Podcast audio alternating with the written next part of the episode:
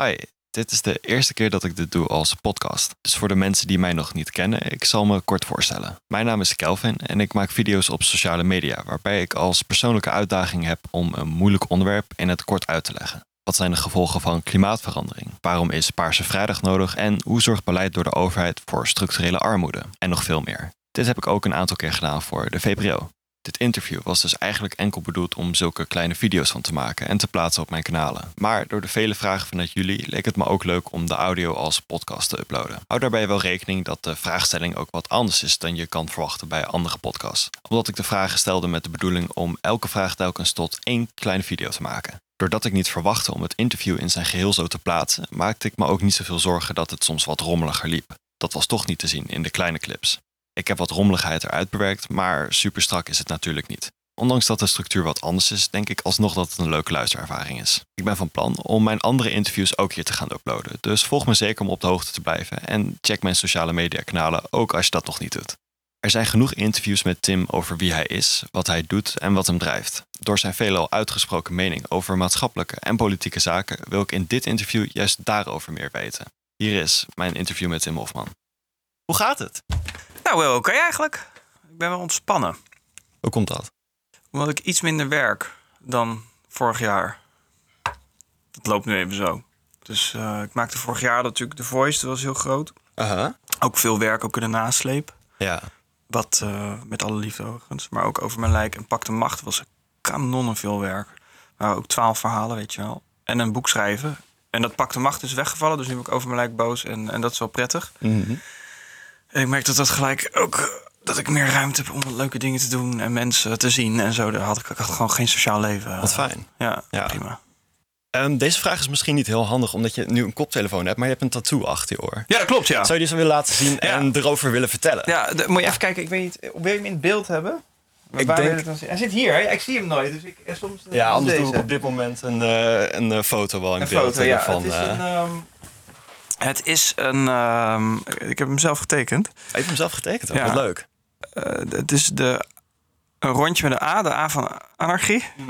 Dan zit er een ondersteboven kruis in. Dat is niet per se het anti-kruisding, maar wel, eh, dat staat er enigszins voor, voor, voor mij, voor, voor het eh, agnostische slash atheïstische. Eh, en het is ook de, het, het vrouwenteken, het rondje. Dus Ja, daar is, waar ik hem van kende, van ja. het, de stroming anarcho-feminisme. En ik Ja. was benieuwd wat die tattoo voor je betekent. Nou ja, dus, samenvatting van hoe ik de wereld zie en wie ik ben, denk ik. Zou dat eens uit willen leggen? Nou ja, ik, ik, ik, ehm, ik ben geen. Als je het Abel van Henjoet vraagt, dat is natuurlijk echt iemand, een, anarchist. Eh, ehm, ik, ik ben daar niet of nog niet.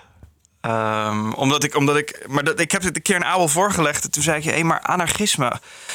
Als je zoveel regels wegneemt en op eh, eh, gaan mensen zonder macht daar dan niet eerst heel erg de dupe van zijn? Nou, toen zei hij nee, maar we moeten nog even goed bespreken waarom dat dan zo is. Want ik zie dat radicaal anders nog. Eh, maar ik vind het wel fijn om, om, om te ontregelen en te morrelen. Daar staat het voor mij vooral voor. En, en, en, en, en, eh, en eh, een vraag te stellen waar, waar mag niet wil dat je kijkt. En een uitroep te planten.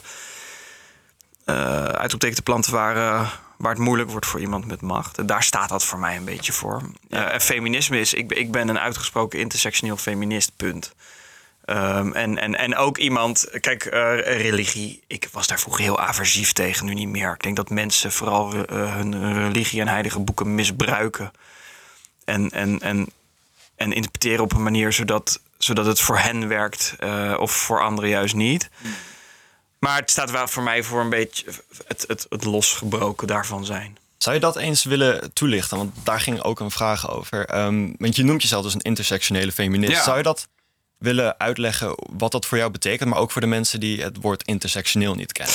Nou ja, feminisme van, origine is natuurlijk... eh, dat gaat over eh, gelijke rechten voor vrouwen. eh, als het gaat eh, je, je, tegenover mannen. Dus, dus, dus het, het, gelijk opgaan, zeg maar. En dat gaat over, niet over gelijkheid, maar gelijkwaardigheid. Zo heb ik het verstaan.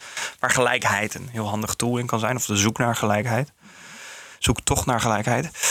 En intersectioneel feminisme eigenlijk doet diezelfde machtsmeting ehm, eh, veel breder. Dus het gaat over validisme, dus gelijke rechten, en gelijk, de strijd voor gelijkwaardigheid voor mensen met eh, fysieke uitdaging of een mentale uitdaging.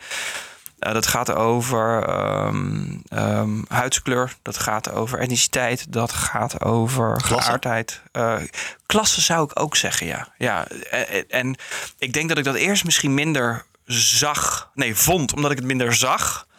Um, maar nu zie ik dat gewoon meer. daar kunnen we zo nog even over hebben. Want natuurlijk, ik, sta, ik, ik, ik roep allerlei socialistische dingen vaak. Um, en dat komt door de programma's die ik maak en wat ik tegenkom. Dat gaat over ongelijkheid vaak. Um, maar ik ben natuurlijk ook iemand uh, met een bevoorrechte positie. Maar goed, dus, dus eigenlijk, uh, het is feminisme geprojecteerd op veel meer vraagstukken als het gaat over machtskwesties en een, en een strijd en zoektocht naar meer gelijkwaardigheid. Wanneer wil je dat verder toelichten? Want je zei, daar hebben we het zo meteen nog wel over. Oh ja, over, ik dacht, uh, anders wordt het zo'n rommelig. nou, is, is ja, het nu al? Ja, het, kijk, het is natuurlijk. Het is natuurlijk um, als we het gaan hebben over, over klassen, wat ik ook bijna gevaarlijk vind, omdat, omdat.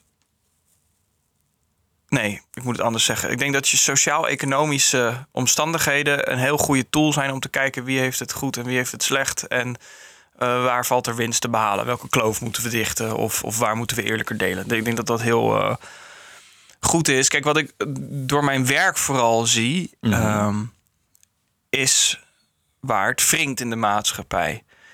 En ik vind daar dan van alles van, of ik heb er in ieder geval vraagtekens bij. En soms gaat het over uh, seksueel grensoverschrijdend gedrag. Soms gaat dat over de woningmarkt. En soms gaat dat over uh, sociaal, uh, sociaal, sociale structuren.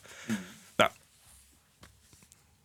ik ben ook het zelf een, een, een, een, een, een zevenvinker, om even in Joris Luijendijk termen, de, de, de witte gestolen termen te praten.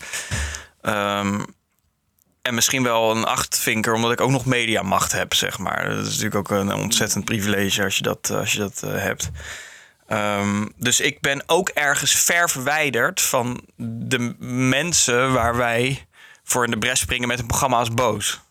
Um, ik ben namelijk uh, geen vrouw en uh, ik heb niet te maken met racisme. Ik verdien goed. Uh, ik heb uh, geen probleem op de woningmarkt. Ik heb een koophuis. Uh, nou, ik, kan het hele rijtje noemen. Gaat allemaal niet over mij. Dus um, dat, dat is ook een interessant vraagstuk voor mijzelf om mee bezig te zijn. Aan de ene kant waar... Weet je, er zijn heel veel dingen die ik laat. Dat, daar hoef ik ook helemaal geen schouderklop voor, omdat ik ze immoreel vind. Maar waar ik wel veel rijker van had kunnen zijn. En dan denk ik, nou, dat, ik denk niet dat dat goed is. Ik kan me dat ook permitteren, omdat ik onder de streep toch genoeg geld heb. Um, als dat het over, over, over, ook, over ja. klassisme, ja, 100 procent. Ik ben wel iemand die daar hard voor gewerkt heeft vanaf zijn elfde. Ik, ik ben de oudste van vijf kinderen en ik heb, ik heb altijd eten gehad, maar ik kom niet uit uh, beelden en uh, uh, ik, ja, ouders die een rijbewijs of een studie betalen of, of, of verre reizen of iets. Dat ken ik allemaal niet. En gewoon arbeidersklasse altijd geweest. En, ja. Maar nogmaals, ik heb, het, ik heb het goed gehad hoor. Ik, ik ken geen honger, laat ik het zo zeggen. Ja. absoluut niet. Geen honger en altijd een bed en maar goed, dat is een vraagstuk. Als maker en dus ook iemand met mediamacht, is het zaak dat je dicht bij de maatschappij blijft, vind ik. Dus, dus daar is ik een heel goed loket voor. Maar, maar uh, als je dingen over maatschappelijke vraagstukken maakt, is het niet goed om in je ivoren toren te gaan zitten. Dus het is iets waar continu mee bezig moet zijn en blijven.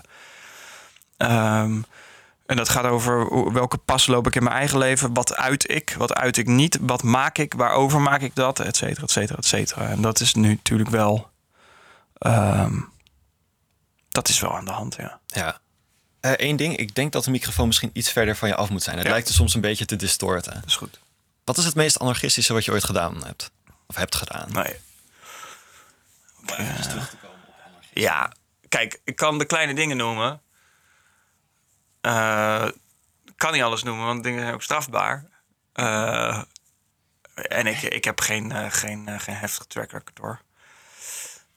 Maar je, je zou kunnen zeggen dat misschien iets maken als The Voice... wat niets anders is dan stem geven aan mensen zonder macht... en een vraagteken plaatsen bij de positie van mensen met macht... dat dat best anarchistisch uitgepakt heeft. In die zin dat het, dat het natuurlijk echt structuren heeft laten wankelen. Daar, waren wij ook verbaasd over. En dat, nogmaals, dat moet ik niet met veel verven en blasé uh, hier gaan zeggen. Want ik probeer daar heel. Uh, maar, maar als je kijkt wat de uitloop daarvan is, dan zou ik zeggen. Of mis, misschien boos aan zich als, als, als, als, als vehikel dat constant macht tart eigenlijk. Iets Ja. wat niet van de NPO mocht bestaan. Ik weet nog dat ik mijn eigen zenderbaas een brief in de krant schreef over het beleid waar ik niet mee eens was, weet je wel. Ik denk ook heel vaak, ja, dood of de gladiolen. Misschien is, misschien is Nemmer, ik weet niet of je dat nog weet, eh, tegenover Ja. Klaas Dijkhoff zetten. Is dat, is dat ook? Het, het is lichte vormen, eh, maar, maar dat zijn toch wel ook Ja, journalistieke de codes. en, eh, Ja, en dat voelt voor mij ook een beetje anarcho dan. En, dat, eh, en vraagt een echte anarchist niet, lach me uit. Maar als je het aan mij vraagt, het, het punk-anarchisme zit voor mij daar ook in. Want je komt ook uit de punk, toch? Ik kom uit de bandjeswereld, ja. Uit de ja, en, en ja. Dus ik, ben, ehm, ik heb mezelf erg gecommitteerd op vrij jonge leeftijd, 12, 13 jaar, aan Nirvana.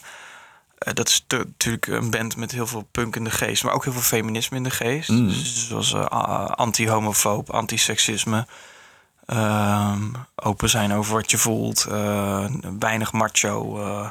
inmiddels ben ik eh, natuurlijk vol met tattoos en een baard. En, weet je wel. maar Daar gaat het eigenlijk ook niet over. Niet macho zijn. Maar dus ja, dus punk en feminisme, dat is wel iets wat ik heel oorspronkelijk voel. Maar ook iemand die opgegroeid is in een Vinex-wijk en op een gymnasium heeft gezeten. Ik dwaal een beetje af, maar top 5 punkbands. Oef. Van nu of, of overal? Ehm, ik vind van nu zelf leuker, want daar ben ik veel meer in thuis. Ik, ik ben niet echt van de oldschool punk zelf.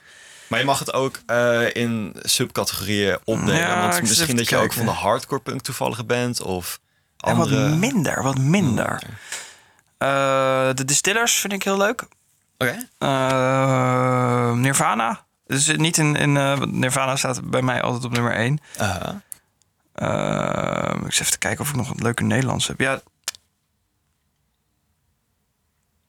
Waar ik van genoten heb, heel erg op Lowlands, was Hang Youth.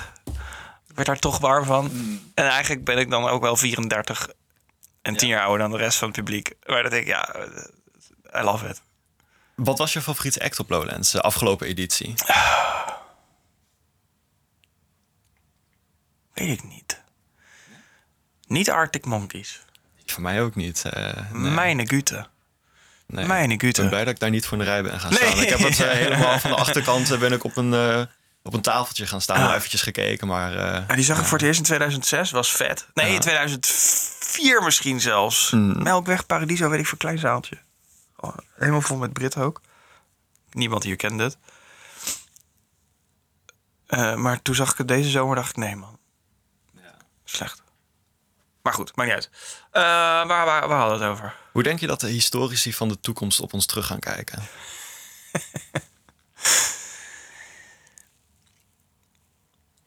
Ehm, ja, dat ligt er een beetje aan hoe de wereld zich gaat ontwikkelen. Want, want als we een wereld krijgen waarin toch eh, de wat bruinere kant de overmacht gaat nemen, is maar de vraag welke mensen historici worden en eh, wat er in de boeken komt. Wat, wat bedoel je met de bruinere kant? De bruinere kant, nou ja, de bruine hemden. Dus, eh, dus echt eh, de, Oh, de, de ja. fascistische kant. Ja. ja, dat was, nee, het was geen huidskleur ding. Ik bedoel echt de... de, ik wou het eventjes voor de Ja, zekerheid nee, vragen. nee, nee, 100%. Nee, dus echt de, de, de, de, de, ja, de bruine kant van politiek, het bruine hemden kant. en, ehm, maar kijk, ja? Ik vraag me dat zelf in ieder geval vaak af over, over mezelf. Waar zou ik nu nog heel conservatief over denken, maar wat over, over 20 jaar? Dat ik denk, oh mijn god, hoe kon ik het denken? Eh, kom Ja, want eh, daar komt die vraag ook een beetje vandaan. Eh, want ja, ik ben zelf heel erg fan van het werk van, van Rutger Bregman. En die Ja. is mo- momenteel ook heel erg bezig met zulke vragen van moraliteit. Van waar gaan we straks met, gewoon met walging op terugkijken. Ja. Op praktijken die we nu doen. Want honderd jaar geleden dachten, we, dachten de mensen ook dat ze best wel fair waren. Eh, Ja. Maar daar kijken we nu ook op terug van... Nou, dat was barbaars hoe- we met Ja, dierenleed. Eh, Ik denk als we terugkijken, als, als we terugkijken op de bio-industrie, we en historische, eh, historici. En dat zeg ik, dat is, het is maar de vraag welke, welke kant we op gaan. Ehm, maar ik kan me voorstellen dat we daarvan denken: wat de fuck dachten we? Denk ik zelf Wat ook. de Ja. fuck dachten we echt? Eh, het, het directe leed op dieren, wat het doet met de planeet verder. Hè? De- als het gaat over stikstofuitstoot, als het gaat over eh, ziektes eh, die er verspreid door worden. En als het gaat over de amount of shit die we eten die niet gezond is. Misschien dat we denken over suiker, dat we dat normaal vonden. De suiker en de suikerlobby. Suiker denk je ook, ja? Suiker, ja, nog niet. Ja, nou ja, het feit dat wij er nu zo over denken. Maar suiker is natuurlijk krankzinnig spul. Ziek ongezond. En, en, en, en, Ja, maar het is niet eh, immoreel, denk ik. Is dat zo? Want het, dat, wordt- dat, dat, het is een lobbyapparaat wat ons wijs maakt dat we dat willen. Ja, maar het is niet inherent eh, slecht, denk ik.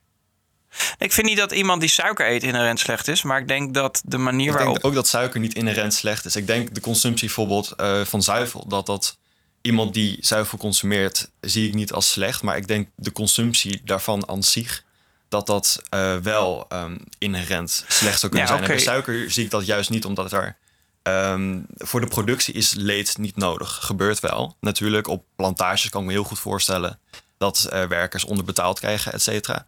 Maar eh, er hoeft geen leed bij te kijken. Dus denk ik niet dat de Nee, maar productie dat is één kant van wat het, het... Het gaat mij niet zozeer om het gebruik van suiker. Het gaat mij om, het, het gaat mij om hoe normaal wij suiker vinden. Ja. En, en hoe dat komt. Dus ik denk dat, dat, dat, dat, dat de dingen die wij nu normaal vinden. ehm, zijn ook normaal omdat er, omdat er al een halve eeuw lobbyapparaat achter zit. Maar dat gaat ook over zuivel. Hè? Eh, eh, Mm. ehm, eh, melk drinken in de mate waarin wij doen. Dat, dat komt omdat de melkplassen ooit zo groot waren. Eh, En ook gelezen. ja, en, en dat daar lobbyapparaat eh, zei van... nou ja, dan moet iedereen maar melk drinken. Mm. Je vertelde, Lise vertelde mij dat ehm, scheermesjes voor vrouwen. ehm, ik heb dit zelf niet gefactcheckt, maar dat dat bijvoorbeeld een ding werd toen heel veel mannen in de oorlog naar het front gingen, geen scheermesjes meer kochten en dat ze dachten, ja, aan wie moeten ze nu kwijt? Nou, laten we het marketen op vrouwen, weet je wel? Ja, dus toen werd het concept van scheermesjes in tweeën gedeeld. eh, op, Ja, ja, in roze en zwart eigenlijk. Ja. Eh, en, en je hebt nu de pink tags, zeg maar. Die roze zijn ook nog veel duurder. Eh, überhaupt misschien het idee eh, hoe, hoe vrouwen continu wijsgemaakt wordt dat ze, dat ze eh, lelijk zijn, niet oud mogen worden, stinken, te veel haar hebben, om, om, omdat bedrijven er geld mee willen maken. Ehm, ehm, ik denk dat dat iets is waar we hopelijk misschien over 50 jaar op terugkijken en denken: oh mijn god, dit deden we echt, weet je wel. Vinden we nu heel normaal. Reclame voor, voor, voor, voor, voor iets waardoor een vrouw er maar niet zo uit hoeft te zien zoals ze wakker wordt, zeg maar. Ehm, dat is denk ik ook wel één. Misschien gokken, als we daar terugkomen. Ja, denk ik ook. Ja. Misschien überhaupt hoe lobbyapparaten werken. Misschien spreek ik meer hoop uit dan dat ik het denk. Ja. De- en ik zag eh, dat volgens mij. eh, als je nu kijkt naar de winsten van, eh, van oliebedrijven, de netto winsten. Mm, ik na zag het een oliecrisis. al voorbij komen. Ja, die, inderdaad. die gewoon Ja. hele samenlevingen overhoop trekt. omdat mensen zonder geld en macht eh, het niet meer aankunnen. Ja, tussen de. Wat was het? BP volgens mij uit mijn hoofd. 6 of 28 miljard. Shell rond de 40. 38. 38 hè, naar de 40 toe. Exxon volgens mij de 50 gepasseerd. Netto winsten. Ja, ja, ja. Netto winsten. Ik hoop dat we daarop terugkijken en denken nou, dat had niet gehoeven. Ik hoop het ook. Ja, Ik denk dat er heel veel dingen zijn. Maar ik denk dat je daar al een hele podcast aan kan wijzen. eh, aan, aan, Ja, aan wijden aan Ja. de dingen waar we straks op terug gaan kijken. misschien moeten we dat doen. Misschien. Ehm, als iemand die het hele concept van masculiniteit actief aan het uitdagen is, hoe kijk je tegen een figuur als Andrew Tate, die juist vol inzet op traditionele genderrollen? Ja, een hele bange man. Ja? Ja, ik vind, ik, vind, ik vind sowieso die manier van kijken naar wat een man moet zijn en wie een vrouw moet zijn. En, eh, en dat eigenlijk dat, dat de enige twee keuzes ook zijn. Ik vind dat heel bang. Ik vind het heel erg. een vrouw met een eigen wil. eh, een vrouw die, eh, die een baan wil of, of, of wil leven zoals zij wil. Seks wil hebben met zoveel mensen als dat zij wil. Als je daar, ja, als je daar zo in paniek van raakt, ben je gewoon een heel bange man. En, en het Ja. paradox is natuurlijk dat dat heel erg niet strookt met het zelfbeeld wat, wat zulke mannen hebben. Ik ben groot, ik ben masculien, maar, maar eigenlijk emotioneel kunnen ze vaak niet goed reguleren. Dat zeg ik met respect, want, want het is ook iets wat mannen vaak niet geleerd krijgen binnen dit patriarchale systeem. Nee, helemaal eens.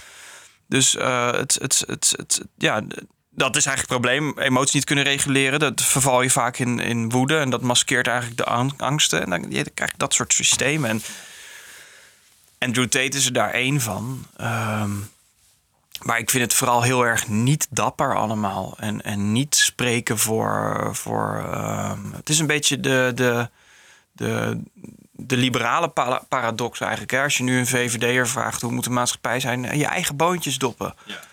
Ehm, maar dat, dat spreekt voor een soort zelfvertrouwen. En als je dan aanspraak maakt op dat zelfvertrouwen van, van iemand die, die joh, misschien ook een beetje delen. Nou, dat kan dan niet, want daar hou ik te weinig over. Ja, ik, Dat spreekt voor mij ook niet voor zelfvertrouwen. Dat zelf, zo, zo kijk ik ook naar dat soort eh, ja, mannen die claimen eh, dat zij mannelijkheid in pacht hebben, zeg maar. Ja, ik, ik heb daar niks mee, man. Fuck off. Mooi verteld. Ik, eh, ja, zoals je weet, had ik Sander Schimmelpenning geïnterviewd. Ik Ja. dacht, laat ik even aan hem vragen of jij ook een leuk vraagje voor jou heeft. En eh, ja, deze vraag heeft hij voor jou. Even kijken of ik het geluid een beetje aan heb staan. Ja, nou ja, ik ben wel benieuwd of hij ook niet de behoefte heeft om dus ehm, met oplossingen te komen. Kijk, hij, eh, hij, heeft, hij is dus, ja, heel goed in wat hij doet. Hè, dus laat daar geen misverstand over staan. Ik heb grote respect voor, voor wat hij doet. Het aankaarten van allerlei misstanden. Maar ik kreeg dus op een gegeven moment vaak de vraag... ehm, ja, wat, wat dan? Ja. Wat moeten we dan? Ja. Ehm, nou heeft hij niet zo'n concreet onderwerp als de kloof. Hij, hij doet eigenlijk van allerlei misstanden. Maar ik kan me wel voorstellen van, nou ja, als je dan... ehm, ja, als je dan ergens een oplossing voor een probleem wat je aan het hart gaat zou, voor, hè, zou moeten bedenken, wat, wat zou dat dan zijn? Welk, welk probleem wil je oplossen? Sander vraagt. Eh, wat is de oplossing? En hij, hij zegt ook inderdaad, hij, hij is natuurlijk heel erg bezig met die kloof. Komt daar met het manifest. Maar een heel leuk eh, manifest. Ik heb het ook gelezen. De quote van mij achterop. Ik zag hem, ja. En eh, ik had alleen de versie zonder de sommetjes. Oké. Ehm, dus het dat was leuk. laten doorberekenen. Ja, dat, dat doorbreken. Dat, dat, heb ik nu, eh, dat heb ik nu wel thuis liggen. Dat is wel leuk.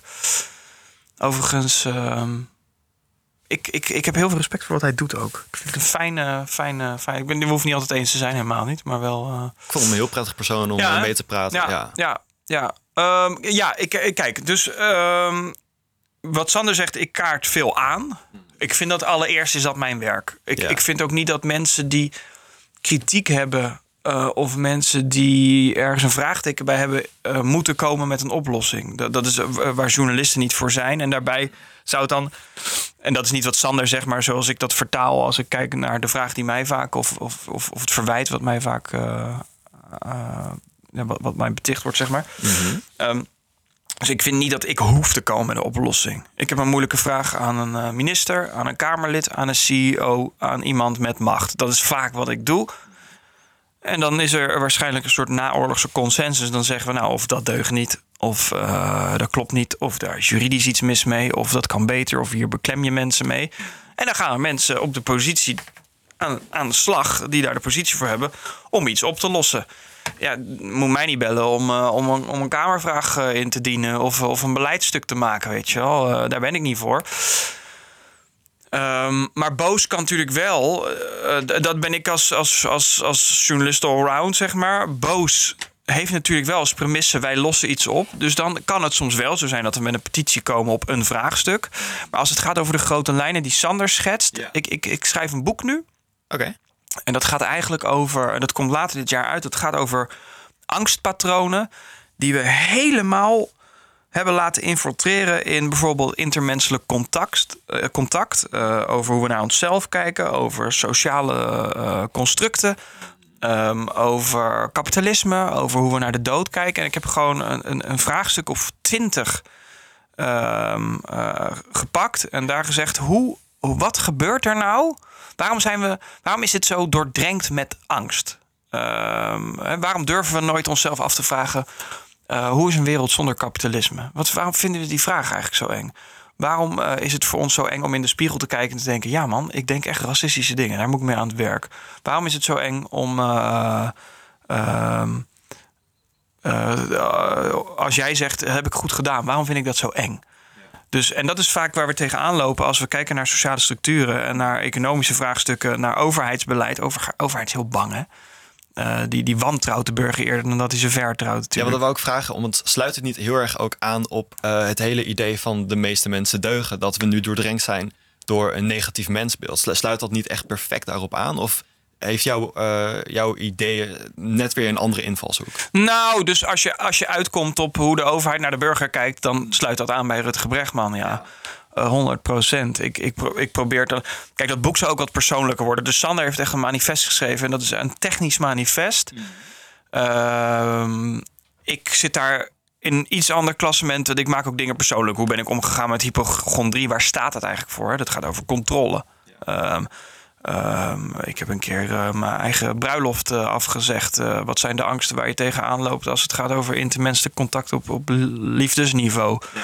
Dat zijn kleine stukjes hoor, maar ik ga ook vrij uitgebreid in op waar we het net over hadden. Wat is nou die angst van mannen voor vrouwen? En de vrijheid van vrouwen. En als je dat weghaalt, wat hou je dan eigenlijk over? Waarom is het zo eng? Wa- wat je mensen heel vaak hoort zeggen is: waar houdt het op? Ja, wat is dat nou voor vraag? Waar houdt het op? Ja, maak daar, ja, maak daar eens een goede vraag van, dan eh, weet je wel. Dus eigenlijk duik ik iets onder de, de, de politieke vraagstukken en eerder de, de, de, de, eh, ja, nou, niet een laagje dieper. de- de- de- vanaf de andere kant benaderd. Eh, en dat dus, eh, daar staan wel wat oplossingen en antwoorden in. Zoals Sander dat misschien graag zou, zou lezen. Vet, heel erg benieuwd. Ik ook. Young Lean of Blade? Of zeg ik nu totaal iets raars? Ik ken Blade niet. Oh, oké, jammer. Dus je, je kent de Drain Gang Collective? eh Nee. Drain Gang ken je niet? Nee. Oké. Jammer. Top 5 eh, Midwest emo bands. Oeh, daar ga ik even lijstje. Ik zit helemaal in de Midwest emo, Ja, maar heel kort. afgelopen herfst ook. eh, ik zit, Oh ja, Tiny Moving Parts, Tidal Fight valt er ook misschien onder. Ik moet, het, het zit ook een beetje mad rock tussen. Ja, ik ook. Dus ja. dat, dat Midwest emo, het ligt allemaal een beetje in elkaar. Dus Klopt, ja, ja, ja. gitaartjes en... Je Tricot? eh, nee, Nou, Japanse je- all-female math rock band. Heel vet. Moet je me even straks sturen. Ik word er heel enthousiast van. Eh die Kembe, ken je dat? Nee, dat ken ik niet. Oh mijn god, dat is goed. Eh, Dan moet jij dat ook eventjes doorsturen. Even kijken hoor. Tiny Moving Parts. A Dry Jacket, ouwe. Dat ken ik ook niet. A Dry Jacket Ja, is goed. ik toch nog niet heel diep Dry Jacket eh, is goed. Oké, oké. Eh, Hot Mulligan is vet. Ja, ja, ja, ja. Dat is goed. eh, voor Die ga ik die spelen binnenkort hier in Nederland. Ehm, oh ja, oh ja. eh, I Feel Fine. Ken je dat? Ken ik niet. Ja, dat is echt goed. Ja, Goeie vet, bands. vet. Goeie bands. En ehm, je luistert ook metal? Ja. Top 5 metal bands. Oeh. Even niet in volgorde. Ga ik Ja, ook even een lijst chronologisch. bij. de- Dus, dus ik. ik, eh, kijk, ik, ik hou erg van Slipknot, maar dat is natuurlijk ook de, de usual suspect. Mhm. Eh, Ik zag ook een paar keer dat je Gojira had gepost. ja, Vind je hun een beetje vet? Of, vind ik wel eh, goed, maar is niet mijn top 5. Oké, Sugar. vet. Ik heb pas gezien in eh, 013. oh. Oh, was je erbij? Nee, ik was, had ze drie, vier jaar geleden gezien in Nijmegen. Ja, die, dat niet normaal, die bent. Ja, dat is echt een olifant niet live. normaal. Even kijken hoor. Witcher Pull vind ik vet. Aha. Zoals de lal, oh. Eh Paleface vind ik vet. Ken ik niet. Dat is echt een wat, wat zwaarder. Uh, Alpha vind ik ook wel vet. Oh, heel vet. Maar, Maar dat ja. is wel meer hardcore punk, denk ik. Of ja, dat kant schuurt een beetje tegenaan, ja. Ja. Maar eh, kijk, maar ik ben ook een zakker voor Korn, weet je wel. Ja, Het ja. is gewoon, maar dat is ook sentiment. Dus, eh, maar ik zou zeggen, misschien Sugar wel mijn favoriet is, man. Oké, vet. Ja. Heel vet. Oh, die zal ik niet aankomen. Ja, Architects? ja, ja. maar dan vind ik Sugar wel beter. Tuurlijk, snap ik. Ik was benieuwd wat je van hun vindt. Ja, eh, ik want ook, eh, ja. ik, ik ben wel een beetje fan. Oh ja, verdomd ja. Kijk, ik heb hier ook een, eh, een eh, tattoo van een... Wat sick. Wat Ja. sick. Ja, ik hou ook van band tattoo. Ik heb Odd Future Wolfgang Nirvana heb ik hier. Wat was, wat was die eerste? Odd Future. Oh, voet je. Ja, Ja. ja. Ik heb Miss Jackson, Rage Against zie Ah, hier. vet, vet. Bowie, Bon Iver. Nog meer Nirvana, nog meer Nirvana. Ja, ja. Ja, nee, ja, ik heb dus alleen die Architects. En deze ehm, staat ook een beetje voor Gojira voor mezelf. Oh, ja. Die zijn wel mijn favoriete metalband wat dat betreft. Die laatste plaat gaat natuurlijk heel erg over, over planeetbehoud, hè? Ja, zijn ze altijd al... eh, Is dat ook? Dacht, die ja, laatste ja, ik ze zijn al echt al heel lang... Ja, het is een beetje de hippie metal, zie ik het een beetje. ik vind dat heel ja, vet. grappig, eh, ja. ja, ook allemaal veganistisch en zo. Ik denk dat het daar ook een beetje voor mij begon. Dat ik dacht van, eh, wauw, we maken echt hele vette, harde eh, muziek, Ja. maar ze zijn ook gewoon eh, li- lief voor de aarde. En, eh, Oh, dat is precies wat ik in Nirvana vond. Ja. Zeg maar, het is punk, het is de set slopen, het is gaten in je broek, maar het is niet masculien, macho, uh, vrouwen, stom, homo's, vies. Fuck off gewoon, weet je wel. Ja. Dat, het is zo lekker als ik zo'n zo, zo, zo feministische onderlaag, wat gewoon ook punk is natuurlijk. is ook zo, ja. Ja. ja. Het sluit perfect eh, Ja. op elkaar. Snap je enthousiasme over Gojira dan, ja? Ja. Ja. ook over Architects, want die, die zanger is dan eh, ambassadeur voor Sea Shepherd. Ik denk dat je hun wel kent. Ja. Dus, ja, ik vind dat echt heel vet eh, als ze naast wat ze uitspreken ook gewoon zulke dingen Ja. actief doen. Kan ik heel waarderen. Hoe kijk je terug op de pandemie? Ik vond het vreselijk. Ja. Ik heb daar publiekelijk nooit zoveel over gezegd. Ik heb een hele slechte tijd met mezelf gehad. Eh, Dat is niet... Ik, pff. Kijk, en ik heb, het, ik heb het... Weet je wel, ik kon ook op een gegeven moment gewoon naar mijn werk toe. En ik heb niet in het ziekenhuis gelegen. En ik werkte niet in de zorg. Mijn moeder bijvoorbeeld, ja, dat was, dat was echt een zware baan. Dus ik vind het ook moeilijk om daarover te klagen. Maar ik floreer en gedij echt bij... ehm, ehm, Menselijk contact. de menselijk contact, de dynamiek van een dag. Een dag die je ergens doorheen trekt, weet je wel. En ik doe veel en ik kan veel, maar ik ben ook iemand met, met een brein wat wel eens de verkeerde kant op kan schieten. Ja, zet mij dan weken tussen twee muren. Ja.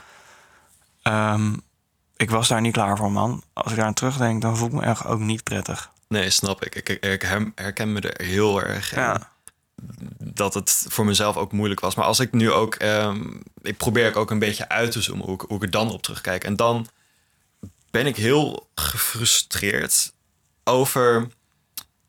ehm, dat we, hoe we eruit zijn gegaan, weer hetzelfde is als we erin zijn gegaan. Al- al- Alsof het allemaal voor niks was Ja, dat geweest. is ook dat zo. we twee jaar, tweeënhalf jaar hebben geleden Ja. voor niks. Waarom zijn we er niet beter uitgekomen? ja ik Daar had ook die ijdele hoop nog even, toch? Dat, eh, misschien leren we hier wat van en gaan we iets doen. eh, economische structuren en Ja, hoe we met elkaar omgaan. Not a chance. Ja, want al die, er zijn, was een hele groep mensen over de Great Reset. Nou, waar is die gebleven eigenlijk? Ja. Ongelooflijk. Nee, het is, het is alleen maar erger geworden. Het is alleen maar erger Ja. geworden. Rechtse politici hebben het aangegrepen om, om, om, om nepnieuws te normaliseren. Om andere zaken, antidemocratische sentimenten te normaliseren. De Aholds en de, en de Shells, die hebben zich helemaal gek en kleurenblind verdiend. Weet je, oh man. ja. Nee. Ik, ik, maar en dat, dat, ja, nee. En op persoonlijk vlak, ja, en heb ik het niet zo fijn gehad met mezelf. Ja. Kan niet anders zeggen. Nee. Snap ik. Hey, ik trek deze zin even van jou uit context. Ja. Eh, de originele context was een gesprek tussen jou en iemand over religie. En je zei, neolab eh, sorry, neoliberalisme holt ons, ideolo holt ons ideologisch en moreel uit. Eh, twee vragen. Wat is neoliberalisme en zou je dat willen toelichten? Dit is een gesprek met Talita Muse. Op Twitter, volgens mij. Volgens mij ook. Ja. Ja, ik ben niet heel bekend met haar. eh, maar... Eh, ja, dit is even terug ook. Ehm, kijk, ne- neoliberalisme is eh, een vorm van liberalisme waarin mensen zo verblind worden door alleen maar winst maken dat de rest niet meer uitmaakt. ja. democratie, democratische ehm, eh, normen en waarden, eh, morele kwesties en vraagstukken. Dus, dus eh, eh, verblind door winst. Zo versta ik het. Ehm, zo heb ik het Abel ook ergens wel. zo- Dat is een beetje mijn spirit animal als het hier om gaat. Ehm nee, heb ik het ook hem wel eens uitzien eh, leggen in, in, in die makkelijke bewoording. Daar kan je een heel boek over schrijven wat neoliberalisme nou is. Maar dat is denk ik een prima samenvatting toch. Ehm, en dat holt ons uit, denk ik. ja, Dat maakt namelijk heel veel dingen minder belangrijk. Ehm, omdat winst die plek heeft ingenomen.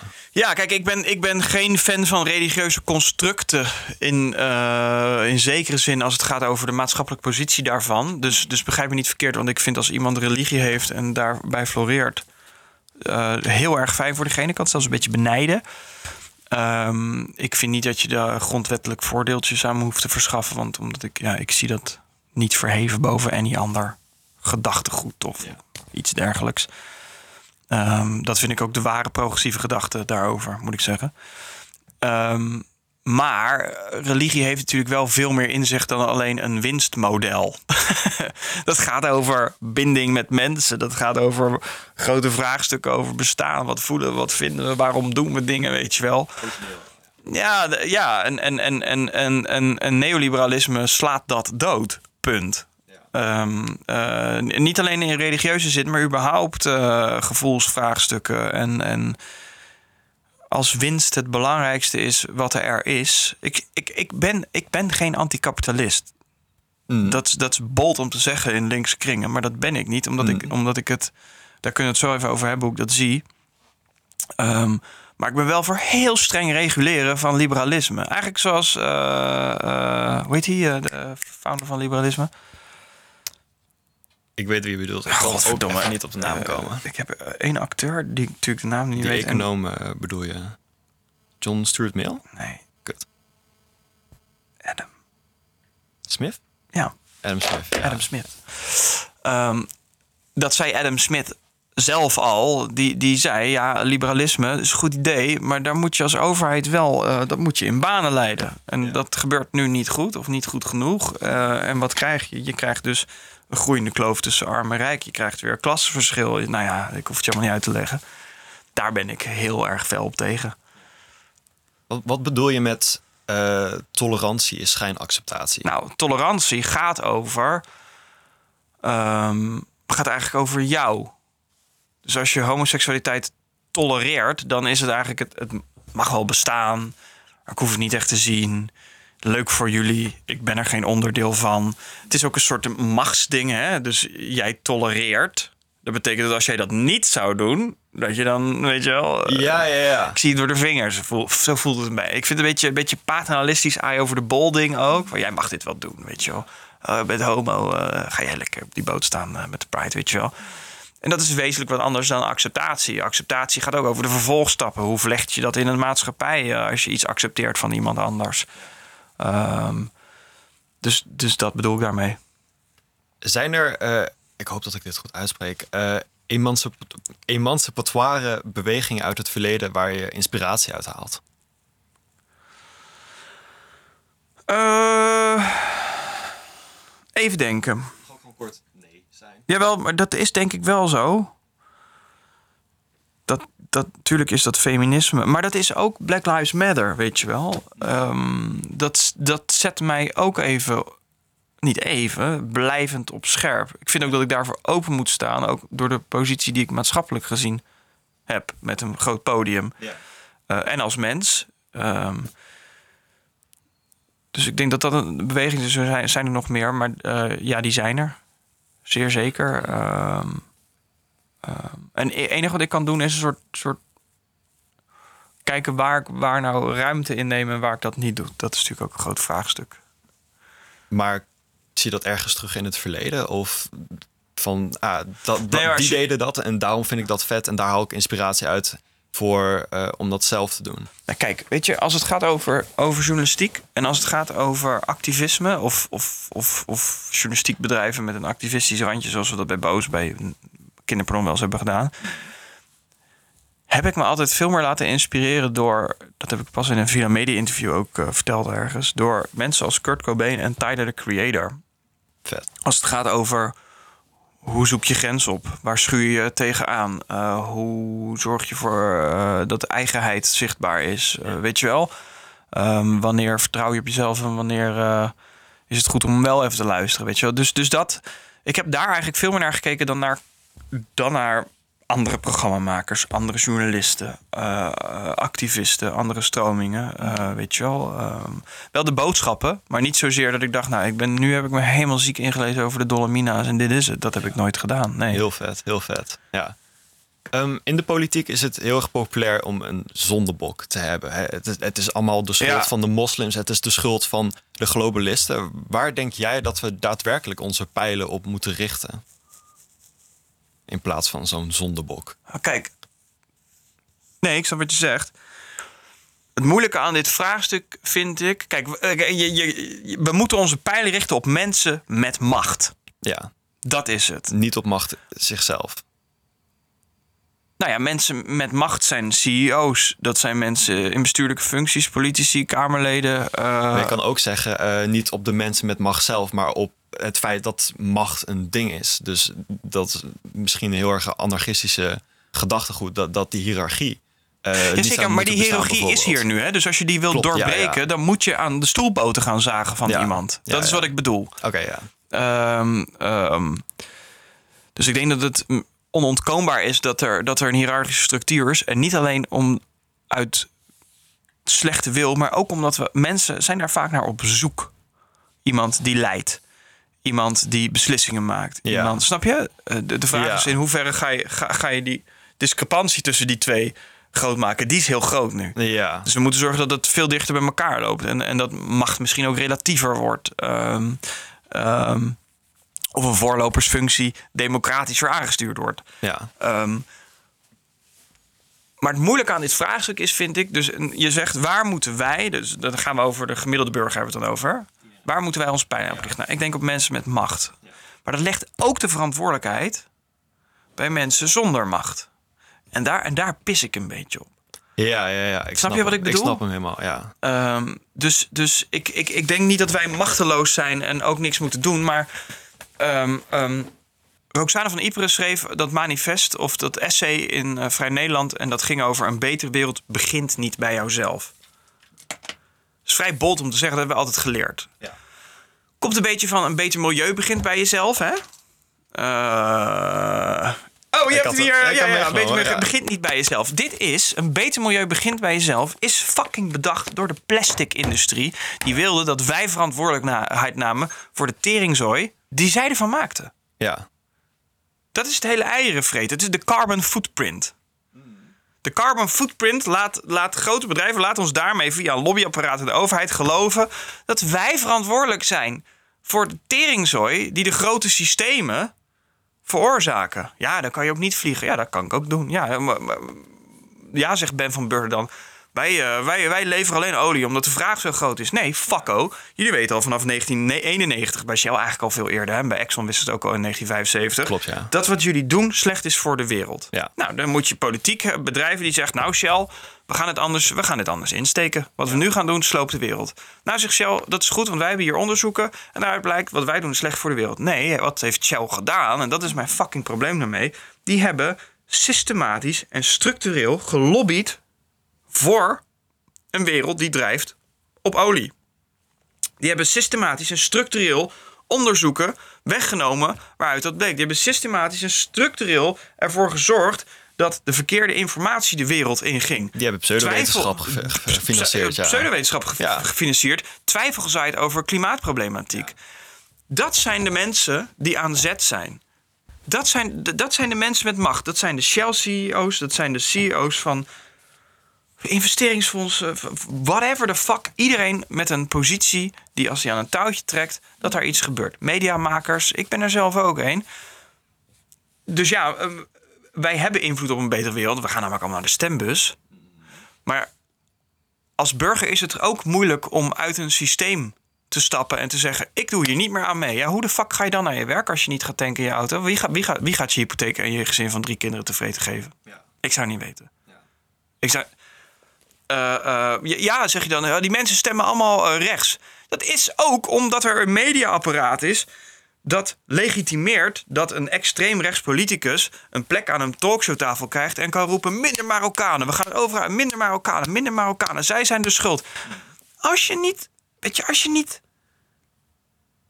de juiste informatie krijgt, is het ook niet gek dat als je onder de hoge druk van deze maatschappij staat, dat je dan dingen doet die misschien kwalijk kunnen zijn voor een ander. Ja. Neem niet weg dat je alle verantwoordelijkheid weg moet nemen bij iemand die rechts stemt. Eh, zeker, zeer zeker niet. Maar het vraagstuk is, hier is: wie is inmiddels nou waar verantwoordelijk voor? En die verantwoordelijkheid moeten we niet continu afschuiven op de burgers die in, in een systeem gemeten worden door machten en krachten. Ik bedoel het niet complotterig, hè, maar gewoon zoals liberalisme werkt, de politiek werkt. Wat ook heel gezond uit kan pakken, maar dat doet het nu niet. Dus het is ook aan een Mark Rutte om te zeggen: Nou, wat ik nu doe als minister-president van Nederland, dat is vrij ademocratisch. Weer heb ik de Kamer niet voorgelicht in deze stukken. Weer gaat een van mijn ministeries naar de rechtbank om te zorgen dat een journalist een stuk niet. Het is allemaal, allemaal afbrokkeling van democratie. Dat kan hij ook niet doen. Hij, hij, hij zit daar, dat zegt ik heb het mandaat van 2, 2 miljoen kiezers. Ja, dat is goed, maar dat brengt ook verantwoordelijkheid voor je mee. Hij- Mark Rutte is een goed voorbeeld die ehm, ehm, vooraan loopt, Maar weiger daar verantwoordelijkheid voor te nemen. Hè? Als je hem vraagt, ik heb hem gevraagd. Heb je Ja, macht? je nee, ik heb geen macht. inderdaad. Natuurlijk heb je wel macht. Nee, ja, jij drukt niet op een knop en dan stort daar een gebouw in. Dat denk je dat ook dat wel. Omdat, als je, omdat het zijn werk lichter maakt. Ik denk niet eens vanuit kwade wil. Hij ziet het gewoon zo. Hij- eh, Mark Rutte ook, noemt zich een ambtenaar onderaan de keten, heeft hij een keer tegen me gezegd. Ja. Dat is hij niet. Als die man wat zegt, dan geloven miljoenen mensen dat. Als die man wat doet, dan is dat een nieuwe norm binnen een systeem. Nou, dat geldt ook voor CEO's. Als er geen wetgeving is, wat zou, wat zou een beetje CEO die 60 miljoen per jaar verdient en, en, en, en, en, en, en honderden miljarden aan liquiditeit heeft, ervan weerhouden om te denken: we gaan anders investeren, we gaan dit groter doen en we gaan dit systeem gewoon met z'n allen op de schop doen? Dat kan dan, weet je wel. Ja. En je kan dat op de burger afschuiven. Maar een burger moet ook gewoon iedere dag zorgen dat hij naar zijn werk gaat, tevreden heeft. En zeker in deze tijd dat de boodschappen er zijn, dat je de huur kan betalen, de energierekening. Wat ga je s'avonds om 7 uur denken? Hoe gaan we dit systeem breken? Tuurlijk niet. Je komt uitgeput thuis, gaat zak chips op de bank zitten, gaat nog een keer naar de sportschool en denkt: "Pff, morgen nog een keer als het weekend is. Dus, dus ik vind dat een moeilijk vraagstuk. Wat moeten wij dan doen? Tuurlijk, we, we, zijn niet, we zijn niet kansloos, we zijn niet machteloos, helemaal niet. Als we verenigen en uniten, maar we moeten wel de juiste incentives hebben. Die kunnen niet altijd vanuit onszelf komen. Wie is je favoriete filosoof? Weet ik niet. Lees je een beetje filosofie? Ja. Ja, ik zie Nietzsche daar staan. Daar, dat vind ik prettig. Aha. Maar ik, ik even denken. Ik, weet je waar ik heel erg. ehm, dat is een Belg. Eh, Jan Verplaatsen. Die heeft tegen de vrije wil geschreven. Oké. En die stelt eigenlijk, en daar, ik ben van die school, ehm, dat mensen geen vrije wil hebben. Which is fijn, want je bent gewoon altijd gedetermineerd door eh, omstandigheden. En die omstandigheden kunnen nurture of nature zijn. Eigenlijk, dit is even mijn vrije vertaling daarvan, even de makkelijke, zo- zo'n boek. Ehm, en dat is, dat is, dat is, dat is voor, om een paar redenen. Ik, ik ben denk ik een nihilist. In die zin dat ik niet geloof in, in intrinsieke waarde van zaken. Maar ik, zie de, ik kom eerder uit op een soort tabula rasa. Maar daar kan je wel lekker mee schilderen. Je kan dingen waarde geven. Ja, Dat niet doen is een keuze, denk ik. Ja? Ehm, Heeft natuur niet waarde uit zichzelf? moeten wij er per se waarde aan binden? Wil het ja, dat is, ook, waardevol het is, zijn? re- het is relatief natuurlijk. Ja, klopt. Is het ook? Eh, ja, dit, dit is een groot vraagstuk natuurlijk. Is het Maar heel erg, Daarom, het is relatief. Maar ik denk dat het ons dienstbaar zou zijn en je buurman dienstbaar zou zijn als we allemaal daar wel waarde aan hechten. Ja. Dat is een keuze die we maken. Eh, dat is ook iets wat ik mezelf vertel. Ehm, ik geloof bijvoorbeeld ook niet in dat gesprek met Gertjan Segersvaar gehad... in een soort intrinsiek goed en kwaad. Ik, ik, dat, dat slaat nergens op. Er zijn, we, we- we- Sowieso is dat veel te binair denken. Da- daarom. Dat zwart-wit, geloof ik ook. Daarom. Nee. Dus we kunnen dingen kwaad noemen. En ik denk dat dat dan ook terecht is binnen de consensus die we afgesproken hebben. Maar dat is ook om onszelf te beschermen.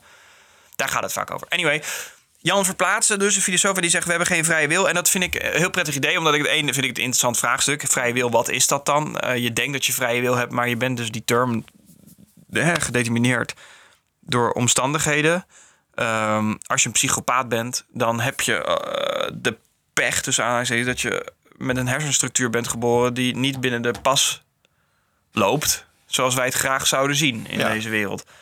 Ehm, dus ik geloof eerder in pech of geluk naar, naar maatschappelijke standaarden, zeg maar. Ja.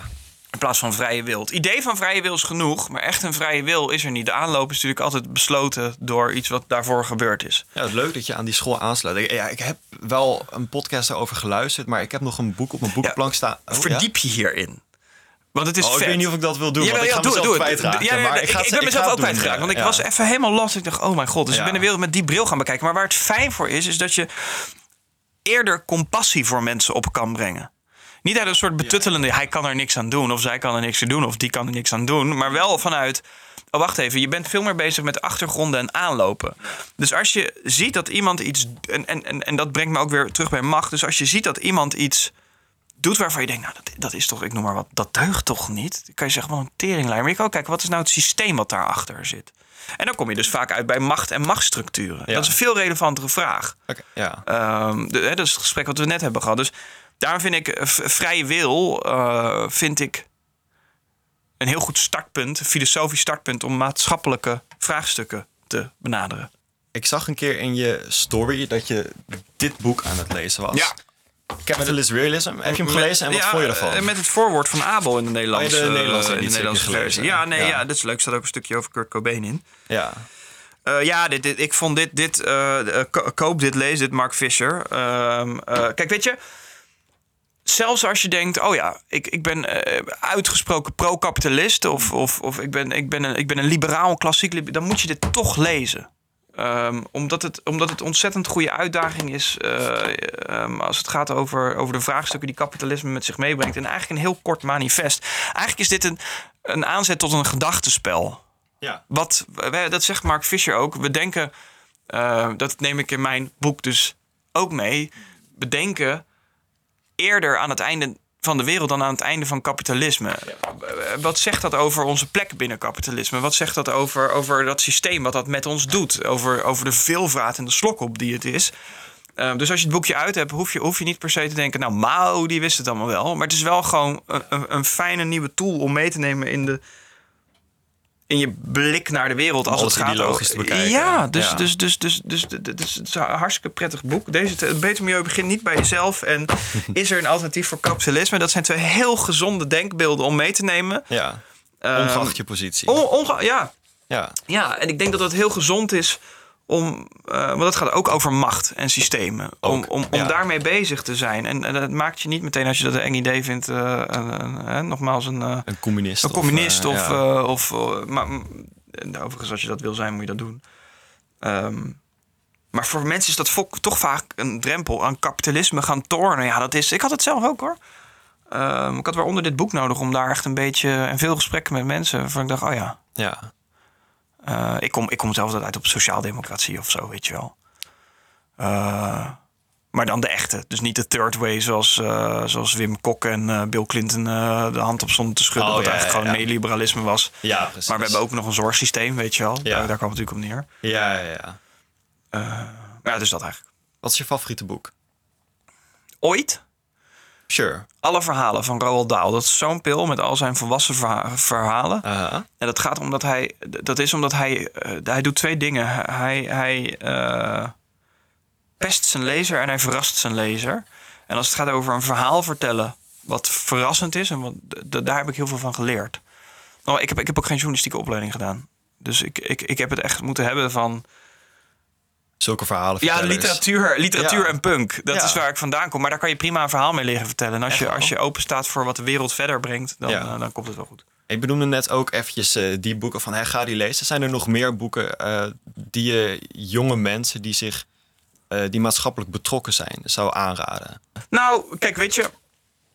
Er is een heel scala aan boeken. En dat, dat gaat van boeken over. over, over, over raad jij aan van dat hele scala aan boeken? nou, we- weet je wat voor mij een eye-opener was? En dat is gewoon. Het is even heel wat anders. Op geo- geopolitiek vlak was eh, De Nieuwe Keizer van Oké. Ties Dams. En dat is eigenlijk een portret van Xi. eh, de voorman van China, van de Ah, ja. Communistische Partij. Eh, en, en, en dat vond ik bijvoorbeeld, dat is zo, dat is zo'n boekje, dat is niet zo heel dik. En, en hij heeft zo uiteengezet wat de visie is van die man, waardoor je geopolitieke benaderingen veel beter snapt. En China wordt natuurlijk een heel grote speler. Bij Poetin, daar zit het natuurlijk met z'n allen heel erg op. Overigens, is de nieuwe tsaar, is, is dat boek over hem. Dat is ook goed om te lezen. Dus daar, daar hou ik wel van. Ik denk dat eh, eh, Mark Fisher een goede is. Daar, daar ben ik echt heel erg fan van. Ik zit heel even door mijn boekenkast heen te gaan. Pak de dagboeken van Kurt Cobain er eens bij. Oké. En lees alles wat niet van eh, witte hetero man is. Heb je dan ook gelijk een paar namen? Om Ja, ik, mensen door, maar ik, heb, ik heb het wel in mijn kast staan allemaal gelezen ook. Ik weet alleen even niet. eh, nou, wat de fuck bijvoorbeeld van Manny Wilkins en, eh, en Thorn. Dat gaat gewoon over. over, over, over eh, vak met een Q is dat. Dat gaat gewoon over, over, over gendervraagstukken. Ja. Het is gewoon goed om even te lezen. Daar hoef je ook echt helemaal niet bang van te zijn. Gewoon, je leest dat boek en denk je, oh, ik snap het nu. En dan hoef je, niet, ja, je hoeft ook niet je pik eraf te hakken bij de wc... omdat je denkt dat het genderneutraal is en moeilijk boe, weet je wel. Goed boekje. Nog eentje? Toevallig? Waar je eventjes aan denkt als je door je boekenkast nu aan het speuren bent. Heb je anders niet een Goodreads-account of zo die mensen... eh, Nee man, maar ik moet zeggen, ik lees veel meer artikelen dan boeken nu. Ik kom bijna niet toe aan boeken. Jij leest echt veel boeken, hè? Valt mee. Ik ben een langzame lezer. Ik heb Ah. meer op mijn boekenplank dan ik er doorheen kom. Ja, dat heb ik dus ook, ja. ja. Ehm, ik zou je tegen die tijd een, een, een, een, eh, een boekenlijstje sturen? Kan je het onder de video zetten? Ja, is helemaal Samen met de Midwest emo bands en de metal bands. Ja. Hey, in een podcast zei je, eh, het, het hele idee van je identiteit halen uit een nazistaat vind ik eigenlijk een krankzinnig idee. Ja. Waarom? Ja, omdat. Want dat is wel een controversiële mening Nee, eigenlijk. helemaal eh, niet. nee. Helemaal niet. Het is gewoon net zoiets dat we kapitalisme... eh, om kapitalisme... Nee, onder, onder, de ja, onder ja, gewone mensen is dat misschien... Nee, ja, een nazi staat er je daar helemaal aan binnen. Dus ik snap wel dat het goed is om als je een landsgrens hebt... en dan eh, met z'n allen denkt, nou, dit is ons normen- en waardepakket. Maar om nou helemaal aanstellerig te gaan doen... ik ben een Nederlander en ik ben way anders dan een Duitser. Ja, dude, ja, je eet meer kaas op brood en je praat anders, je G is anders. Maar eh, ik, ik, ik, ben, ik, ik, vind dat, ik heb ook altijd als kind al, weet je wel, dan... eh, eh, de, de Feyenoord en Ajax en 010 en 020 die dan heel moeilijk over elkaar gaan doen. Ik vind dat zo infantiel. Ik vind dat zo infantiel. En het is ook een hard oordeel, want er zal al, er zal- het, is, het is ook een, een, een. Nee, ik moet het anders zeggen. Ik ga dat niet. Ik ga dat terugnemen wat ik net zei. Oké. Ik begrijp dat je dat doet en dat het fijn is om daar een identiteit eh, aan te ontlenen. Aan, aan de stad waaruit je komt, de voetbalclub, je religie, ehm, ehm, je werk ehm, en dus ook een land waarbinnen je woont. Misschien heb ik wel een probleem mee dat je dat ten eerste claimt wat dat dan in moet houden, een Nederlander zijn. Ja. Dus dan de, de vraagt aan iemand die rechts is en die komt met zo'n zo'n zo'n avondland windmolen of eh, eh, eh, zo'n zo'n avondland molen op een weilandpraatje met eh, dat is het echte Nederland stroopwafels eten en ehm whatever de fuck we hier allemaal doen. Terwijl een, een land en een samenleving gaat veel meer over, over normen en waarden die geënt zijn op vrijheid, volgens mij. Ik denk dat dat meer is waar je naartoe zou moeten of kunnen. Ehm, Is er niet wel wat ook meer op gedoeld wordt? Op, op het hele concept van vrijheid en de normen en waarden die, als, die ons als Nederlanders zouden moeten binden. Ik denk dat daar. Heb je mensen wel eens gehoord over Zwarte Piet? Ja. Oké, volgens mij is ergens zijn we die normen en waarden en waar het echt om gaat uit het oog verloren. En zijn we nu heel erg bezig met. Ik wil geen windmolen op de horizon. Ik wil geen roetveegpiet. eh weet je wel, en dat soort geneuzel. Fuck off gewoon. Dus, dus, dus het hele binden aan wat de identiteit van een land zou moeten zijn, dat, ja, dat, dat, dat beklemt gewoon soms. Dat is, dat, dat- we moeten dat niet heilig verklaren. Dat is het meer. Net zoals dat we religie niet heilig moeten verklaren. Net zoals dat we kapitalisme niet heilig moeten verklaren. Niks is heilig. Ook een nazistaat niet. Daar valt gewoon aan te tornen. Ehm, ehm, en die identiteit die bij een nazistaat hoort, ja, hoezo, hoezo, hoezo zou dat het allerbelangrijkste moeten zijn? Die Amerikanen doen dat ook de hele tijd. Dat is een soort religie, hè, Amerikaan zijn. Ja, dat, en, en dat is fijn voor als, als je daar goed bij voelt. Maar zodra het gaat Het beklemmen... creëert iemand, wel een in- en een out-groep. eh, ja, maar ook. ja, ja, precies. Als dat iemand anders gaat beklemmen, dan moeten we volgens mij zeggen: Nou, dan, dan hier doen we dat even niet. Is niet zo ingewikkeld, weet Ja. je wel. Daar heb ik een probleem mee. Ja, Ja, ik heb echt nog vragen voor een uur, maar jij moet er zo meteen gaan door. ik moet er zo vandoor. Ja, jammer. Heb je nog goeie, heb je nog leuke? Ja, heb ik, heb ik nog heel veel. Eentje die ik echt nu. Ja, ik, ik heb er echt nog twintig of zo. Dan moeten we een deel Oh. 2 maken. Ja, maar ik wou ook nog vragen of je. Ik wou in ieder geval misschien eventjes een fotootje maken voor thumbnail. Ja, kom en wel goed. of Stel nog wat vragen en eh, rustig aan. Mm, misschien vind je deze leuk. Wat betekent het om man te zijn? I don't care. Dat is denk ik... Accu is leeg. ja, ik kan hem wel even snel eraf halen Ja. en erop zetten. Maar. Ja, doe het. Oké, oké. De vraag. Wat betekent het om man te zijn? Ja, I don't care. Ja. Het, het, ik, eh, eh, wat je wil dat het betekent. ja. Je iets wat het voor jou betekent? Niet voor andere mensen, maar voor jou? Ja. Ik zelf Voor- hecht er nul waarde aan. Ik Ik ben het niet. toevallig. Nee, en als Ja. iemand dat wel wil doen, lekker doen, hè? Ja. Dus dan, eh, als Ja, je denkt, nou, ik ben een man, want ik heb spieren en een baard. En ja, joh, fantastisch voor jou. Maar de- de- als je buurjongen dat niet zo ziet, Ja. laat hem lekker, weet je wel. Ja. Dus ik denk dat, dat, het, dat het niet zoveel uit, uitmaakt in die zin dat het vooral gaat over ehm, ehm, dat, dat we niet gaan doen, dit moet een man zijn. ja. Ik denk dat dat, daar heb ik zelf ook altijd moeite mee gehad. Terwijl als ik nu naar mezelf kijk in de spiegel, weet je, ik ga naar de sportschool en ik heb de tattoos en, eh, en, eh, en de baard. En, eh, ehm, en ik denk dat ik ook best wel masculin kan zijn. Er is helemaal niks mis mee. Maar het moet niet iemand anders beklemmen. Eén, niet niet-mannen beklemmen. En twee, niet andere mannen beklemmen. Dat, dat, dat vind ik het belangrijkste. En wie dan wat als man vertaalt, I don't give a shit anyway. Ja. Maak je zorgen om het klimaat? Ja, Hoe erg? wel laat. Hoe bedoel je hoe Ik laat? voelde er gewoon niks bij, klimaat. Ik ben een heel pragmatisch mens. Aha. En ik zag niks veranderen. Ja. Heb je toevallig dat boek gelezen? Nee. Ga hem lezen. Oké, is goed. Als je nog depressiever over het klimaat wil voelen. Ja, ik, dan wacht ik nog even een jaartje mee dan. Is goed. Ik snap de ernst van de zaak. Ja, ik maak me Ja. daar wel zorgen om, ja. En eh, ik ben ook eh, iemand die met optimisme denkt.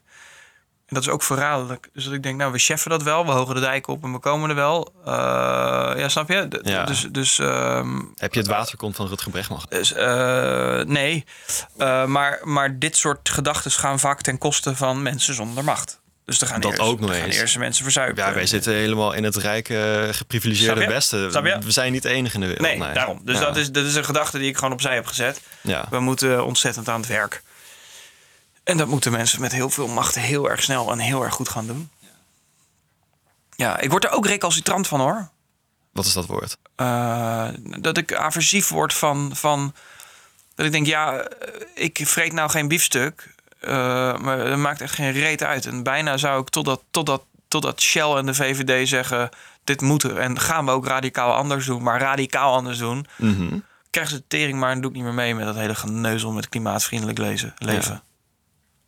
Maar dat, daar, daar moet ik een beetje tegen vechten. Zullen we het hierbij laten? Jij moet gaan. eh, Ja, dat is goed. Oké. Doe ik deze in elk geval eventjes. Maar ik neem het Uit. erg serieus.